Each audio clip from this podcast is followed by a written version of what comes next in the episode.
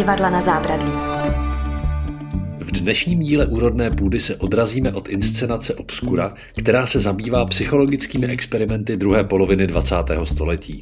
Naší hostkou bude Iva Poláčková Šolcová, která působí na Psychologickém ústavu Akademie věd České republiky. Zabývá se mimo jiné izolačními experimenty a lidskými emocemi. Ten dramaturgický výběr, jaké experimenty mají v inscenaci Obscura zaznít, jaké se mají zjevištěn, byl poměrně těžký a chtěli jsme se zeptat vás, jaký by byl váš výběr těch experimentů psychologických, které by stály za to postavit na jeviště. Mm-hmm. Já myslím, že v obskuře se objevují opravdu experimenty, které patří do takové té abecedy sociální psychologie, že takový ty úplně nejznámější, asi nejdůležitější, který mají největší přínos nebo největší nejvíc lidma zatřesou, řekněme, že možná řeknou, to by se mně nestalo, já bych se v takové situaci určitě choval jinak, to je legrační, jak vlastně on, oni to hrajou. Jinak si myslím, že jsou zajímavé experimenty uh, spojený právě s jinakostí, s menšinama, uh, s tím, kdy má menšina efektivní vliv na většinu, jak je vlastně jednoduchý uh, stát se členem nějaký sociální skupiny, co na to člověk potřebuje a tak. Takže to jsou experimenty třeba Moskovisiho nebo Tečfla, který se týká jako minimální skupiny. Jo? Takže záleží na tom, co byste řekli, jako co potřebujete k tomu, abyste se stali členama nějaký skupiny. Můžete nám je přiblížit trochu tady ty eh, poslední dva experimenty, které jste zmiňovala? OK. Když to učím studenty, tak mluvíme o špendlíkové teorii, aby si to dobře zapamatovali. A je to vlastně hrozně jednoduchý. Představte si, že vám jdou diváci do divadla a jeden z vašich diváků dostane špendlík do klopy, takový ten maličkej, co nosili vontové, druhý ho nedostane, třetí ho dostane, tak jako ve škole, jak to bývalo prvý, druhý, prvý, druhý, tak někdo dostane, někdo nedostane. A vlastně to, že má někdo v klopě špendlík nebo ho naopak nemá, ho se zcela neznámýma lidma začíná spojovat.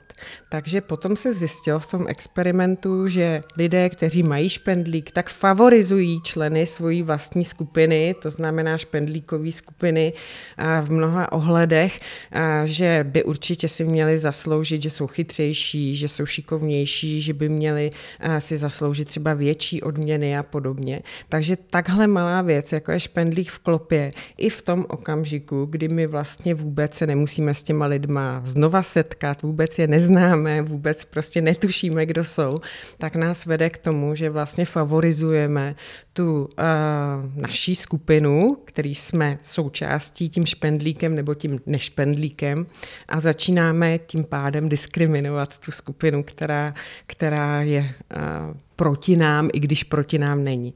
No, takže to je jeden z těch experimentů, který si myslím, že, že tam chyběl. Takový ty základní jakoby kategorizační postupy, který děláme od malička se učíme a, a jsou pro nás mimořádně jakoby důležitý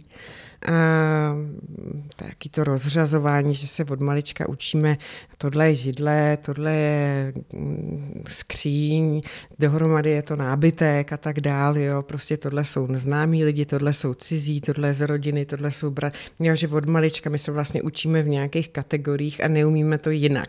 Takže když nám někdo nabídne takhle snadnou kategorizaci jako my a oni, to znamená špendlík nebo nešpendlík, jo, volič babiše, nevoliči babiše, to je jedno, jo, prostě tak, tak je to pro nás neuvěřitelně jako chytlavý a vlastně neumíme jinak, než kategorizovat, no.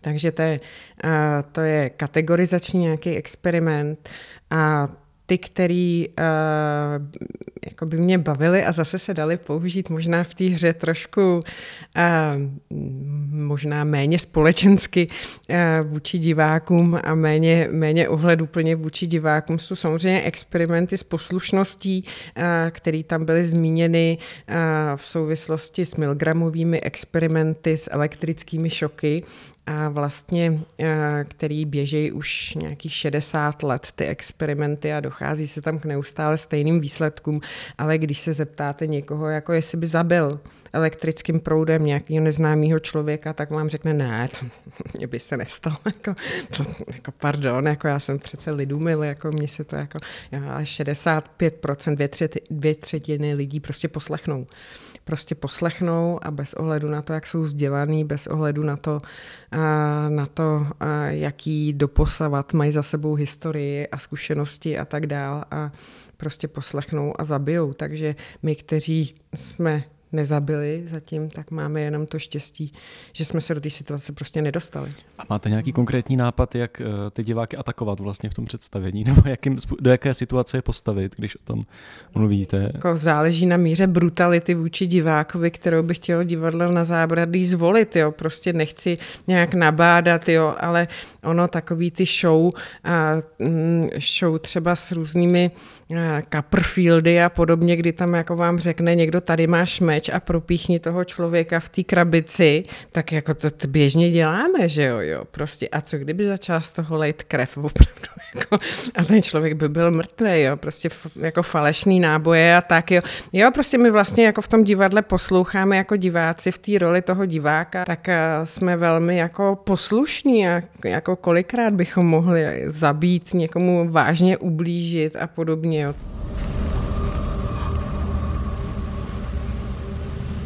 Ahoj, Kerry. Zahrajeme si takovou hru. Zařízení, které máš na sobě, je přichycené k tvému hrudnímu koši. Poslouchej dobře, až kazeta dohraje, budeš mít minutu na to, aby se z něj dostala. A na konci té minuty, vždy ty sama nejlíp víš, co se stane. Ten postroj otevře jen jediný klíč, Kerry. A ty ho máš před sebou. Stačí se jen pro něj natáhnout a vzít si ho. Ale udělej to rychle. Klíč se v té kyselině za pár vteřin rozpustí. Vyber si. Jo, takže to jsou, to jsou věci, se kterými se samozřejmě v divadle dá hrát, ale je to na vlastní nebezpečí, protože samozřejmě těm lidem, což by mělo být varování na vstupence, protože těm lidem vlastně tím můžete taky ublížit, opravdu někomu můžete jako ublížit tím, že se stane součástí nějakého jakoby experimentu a fakt si myslí, že třeba někoho zabil a podobně. Takže ty důsledky potom tam samozřejmě taky jsou.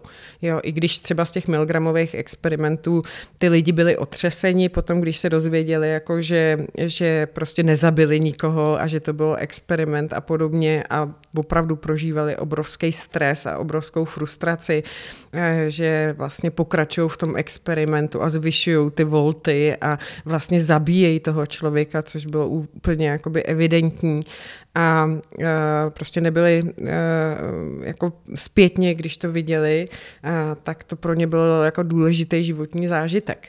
Jo, prostě důležitý, důležitý posun asi v nějakém rozvoji a v umění říkat ne.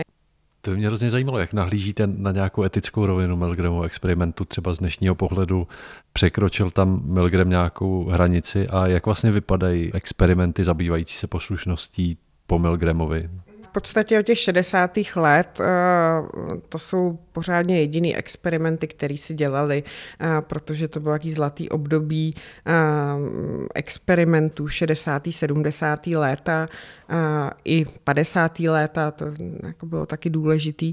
A mm, v podstatě etiku, pohlížet na etiku pohledem dva, roku 22 o 60 let později, je uh, hrozně komplikovaný, jo? když si vezmete, že uh, v té době neměli ještě ani uh, afroameričani právo jezdit stejným autobusem jako, jako uh, bílí američani a podobně. Když si vezmete tu šílenou dobu, uh, tak vlastně z hlediska etiky uh, mě, to, uh, mě to nějak neuráží, ten experiment, musím říct, jo? Uh, protože mně přijde, že dospělý člověk se dokáže brát bránit a dokáže říct ne a podobně. A spíš ta práce s těma vulnerabilníma, zranitelnýma skupinama, ke který docházelo třeba ve 30. ve 40.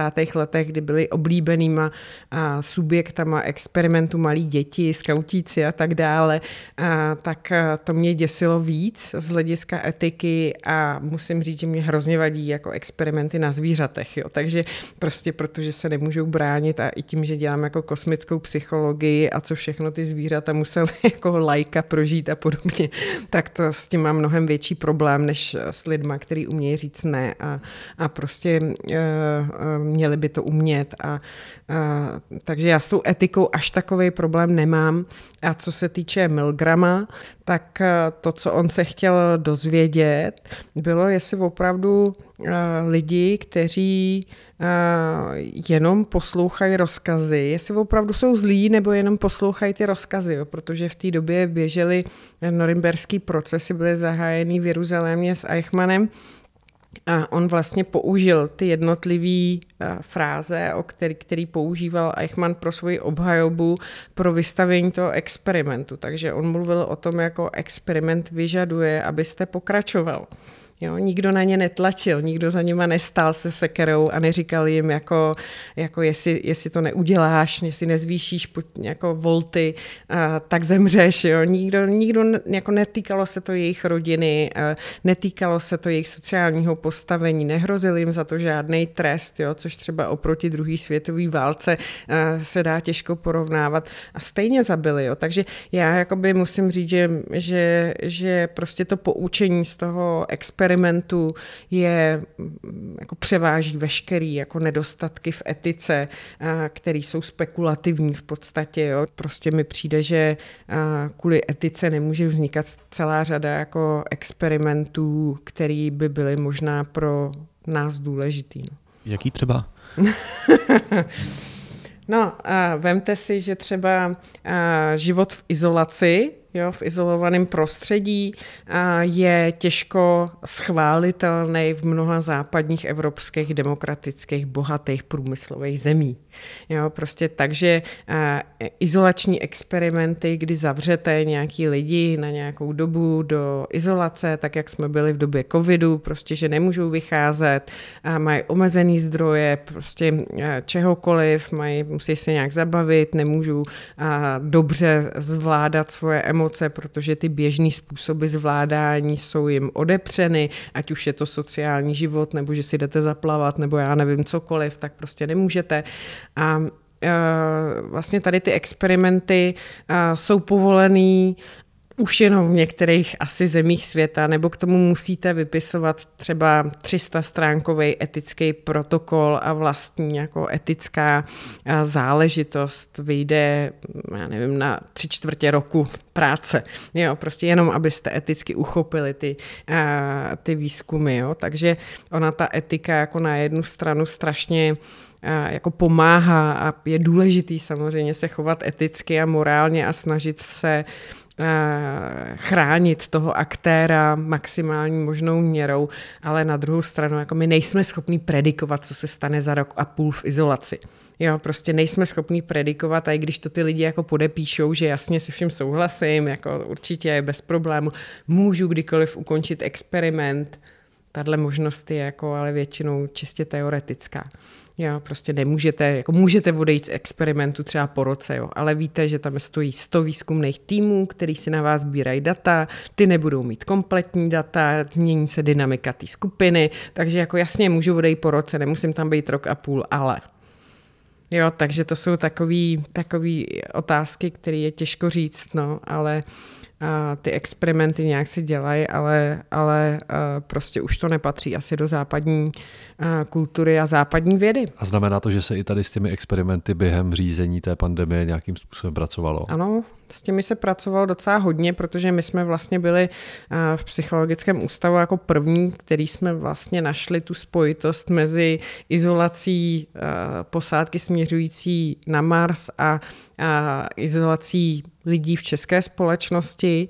A vlastně hodně rychle jsme to použili a překlopili, co se asi bude dít a dali jsme takovou sérii nevyžádaných rád, jako co by lidi měli dělat a co by neměli dělat a jak by měli nebo neměli se chovat a co by mělo běhat a nemělo běhat hlavou a co mají očekávat a co nemají očekávat od sebe, od ostatních a tak dále. Vaše konverzace se hezky poslouchá. Jak dlouho nás posloucháš? Dvě, možná tři hodiny. Nikdo z nás není nemocný. Jsme zdraví. Musíte udělat nový screening podle direktivy 699. Nikdo z nás se nenakazil a ani nikdo nescvoknul. Tak to je dobře. Byl to takový malý test. Chtěl jsem vědět, jestli jste se zbláznili. Jestli něco nesnáším, tak to jsou blázni. Ten test jsme udělali, tak nás můžeš pustit ven? Nemůžu vás pustit, Proč ne? protože mi to král bramborových lidí nedovolí. Prosil jsem ho. Klekl jsem si na kolena a plakal. Chce vás držet tady. Držet vás tady deset let.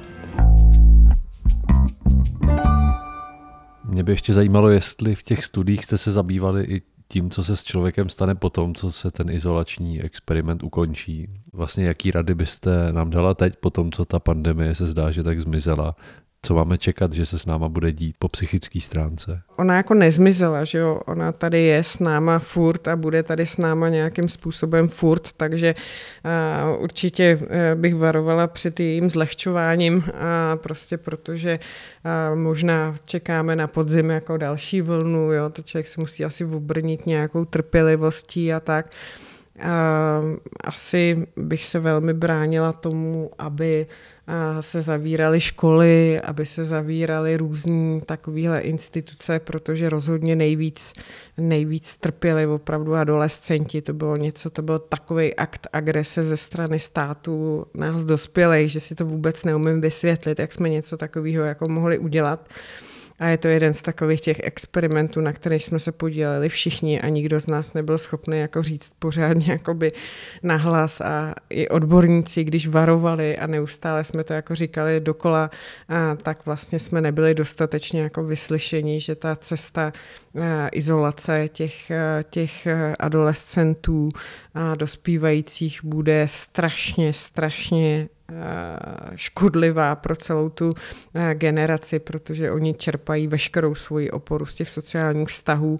A pokud eh, my je vlastně izolujeme, tak opravdu můžeme způsobit to, že ten jejich vývoj mozku nebude relevantní tak, aby jim dobře sloužilo v těch dalších, dalších letech jo, a v dalších stazích a podobně.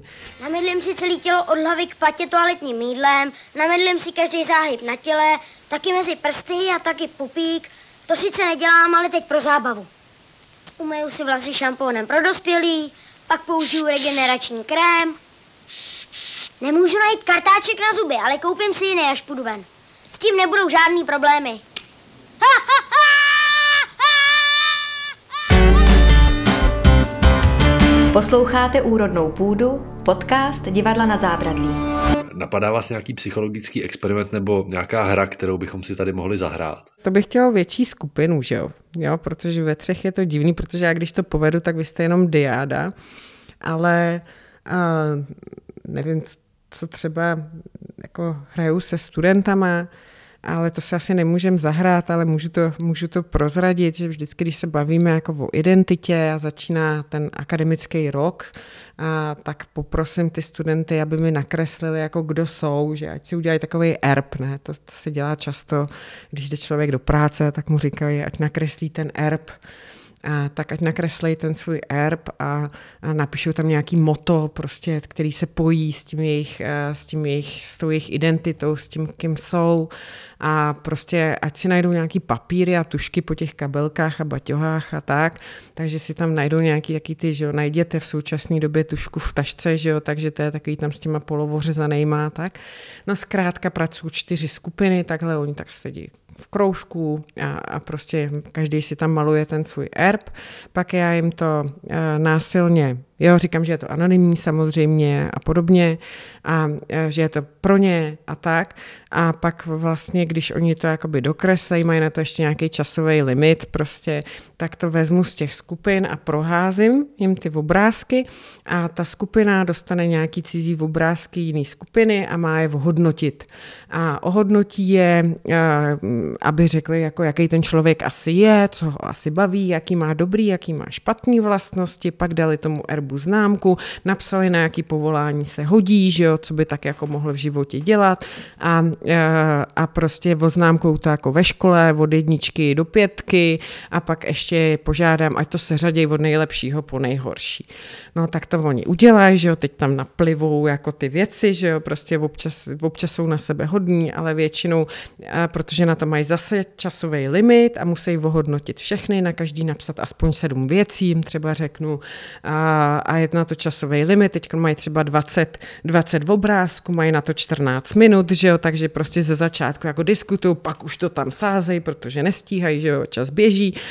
A uh, nakonec uh, tam napíšou prostě každý jakoby něco, takže se tam, se tam objeví, uh, objeví, že teď co bylo v posledním, vytváří se jako anarchistka, snaží se dělat exotická a podobné věci, jo. Prostě, jo, že takovýhle jako bomby se tam objeví, pak kolik lidí by tam mělo jako vrátnej, jo. On vypadá komunikativní, to by měl být vrátnej a podobně. A přitom to je jedna třída, který se vědí, že se budou výdat následující, jako jo, prostě magistři, nebo prostě, jo a tak. Takže pak jim to jakoby vrátím, oni se mají seznámit s tou, s tou jakoby svojí jako popiskou, charakteristikou, tak se vlastně jako smějou, přijde jim to hrozně vtipný, no a pak většinou na ně jako nastoupím a říkám, OK, ty, co mají horší známku než tři, tak musí opustit tuhle třídu, protože ostatní si je tady nepřejou. Ty, co mají jiný, jiný povolání, než ke kterému je potřeba vysokoškolský vzdělání, tak a jdou pryč tady toho kurzu, protože se na, na to nehodí a takhle. Vlastně, vlastně jsou s tím spojeny nějaké sankce, a, a oni začnou být jako naštvaný, že jsem jim to neřekla a tak říkám, ale vy jste se neptali, k čemu mi to bude. Jako, vy jste se neptali, jako tenhle kurz je přetížený a tak dále. No prostě vznikne z toho taková jako sociálně psychologická hra, kdy oni se brání, že jsem zlá, že jsem na ně jako protivná a že tohle to nevěděli a že by to normálně jako neto.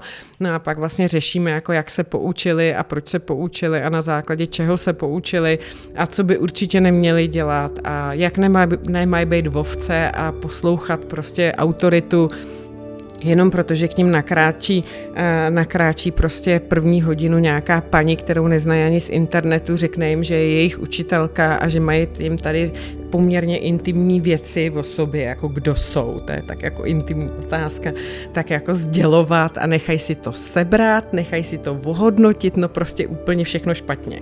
Jo, prostě úplně, úplně všechno špatně opravdu.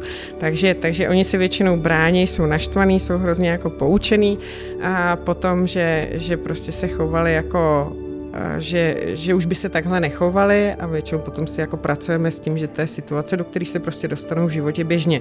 Že to není nějaká jako hra odněkať z vesmíru, ale že je to vlastně jejich každodennost vlastně, kdy odevzdávají nějaké svoje věci někomu jinému, i když jsou intimní, i když nechtějí, dělají něco, co nechtějí a tak dále. No, musím říct, že ten kurz je strašně jako oblíbený, ale jako opravdu, ale je hrozně neoblíbený jsou ty kurzy, které následují, spíš ty učitelé to nemají rádi, protože potom se jich všichni všichni. Takže vemte si papíry. A proč?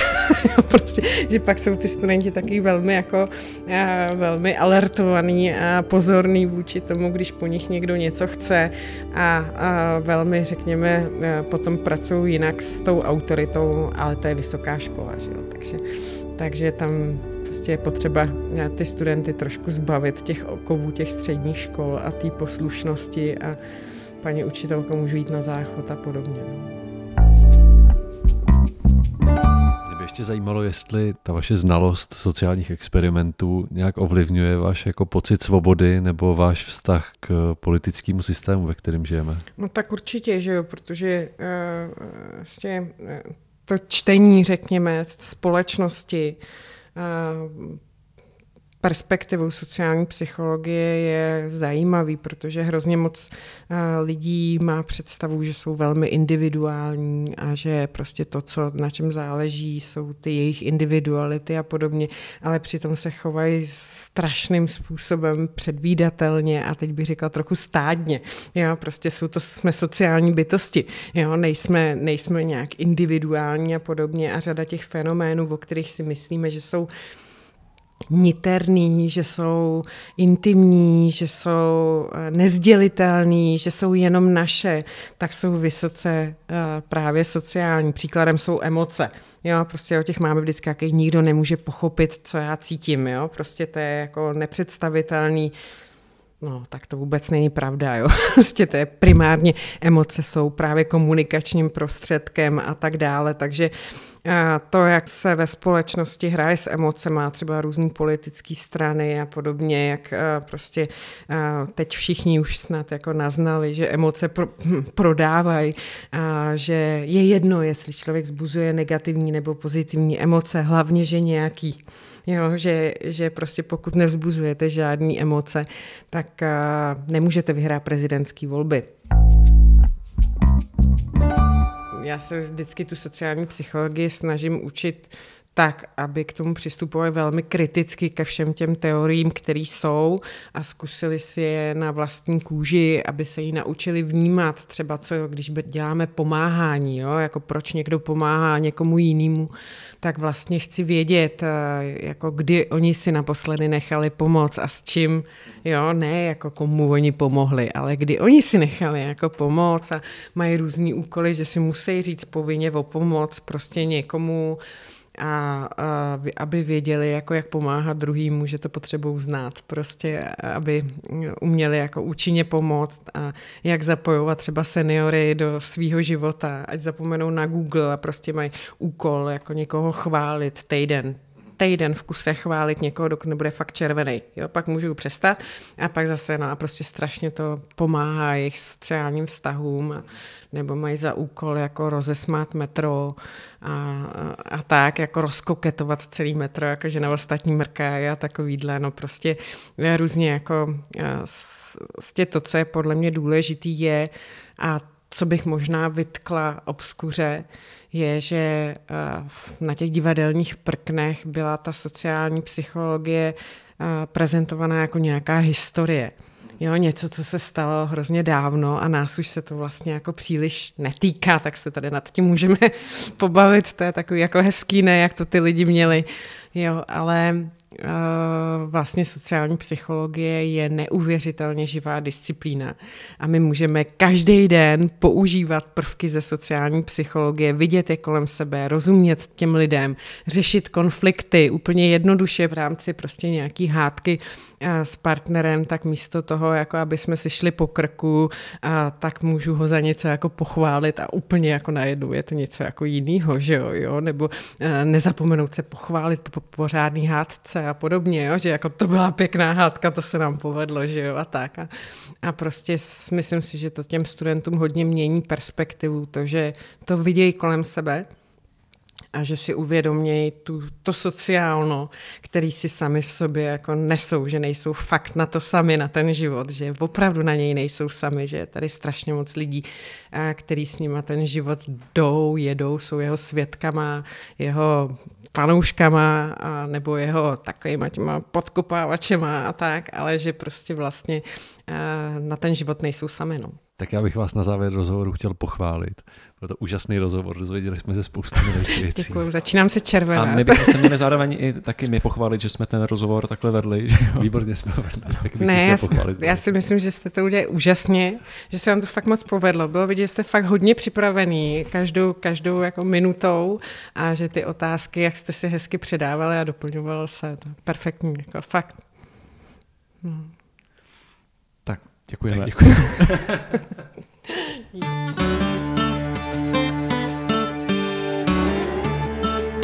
Poslouchali jste Úrodnou půdu. Stávej se Mínko Holalka, bude z tebe fialka.